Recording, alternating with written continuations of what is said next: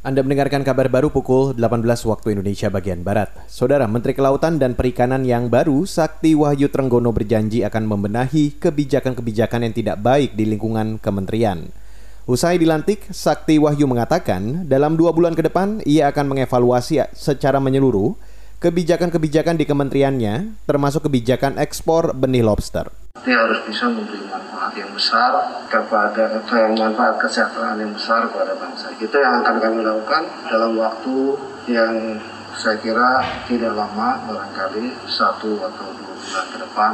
Saya akan belanja masalah untuk mengevaluasi semua apakah yang sudah dilakukan, mana yang baik kita lakukan, yang tidak baik kita akan hentikan.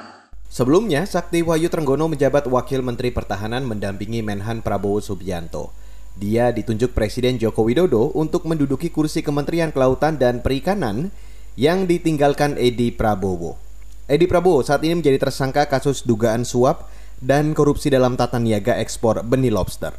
Kita beralih ke informasi selanjutnya, Saudara. Menteri Koordinator Bidang Pembangunan Manusia dan Kebudayaan Muhajir Effendi berharap Menteri Sosial yang baru, Tri Risma hari ini memperbaiki citra Kementerian Sosial.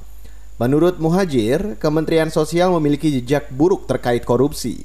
Setidaknya ada tiga menteri yang terlibat korupsi saat menjabat Menteri Sosial. Dan yang tidak kalah penting adalah untuk jangka pendek ini harus bisa membangkitkan rasa percaya diri dari seluruh jajaran Kementerian Sosial, harus tidak boleh mengalami demoralisasi, tetapi harus bangkit karena tumpuan harapan rakyat Indonesia terutama menghadapi COVID-19 ini adalah berada di tangan Kementerian Sosial ini.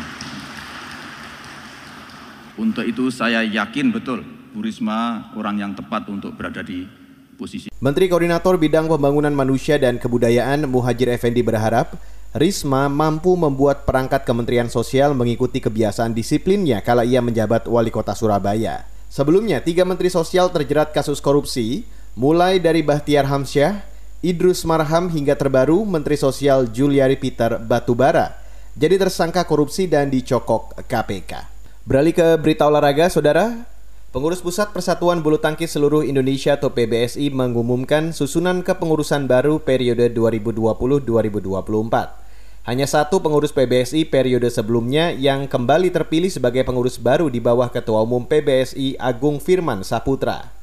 Nama-nama seperti Juniarto Suhadinata, Taufik Hidayat, hingga Devi Indah Kartika tetap dipertahankan.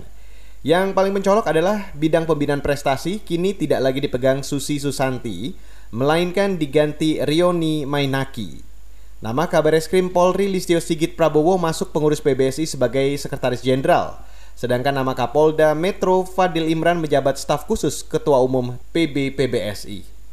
Demikian kabar baru KBR saya Reski Mesanto.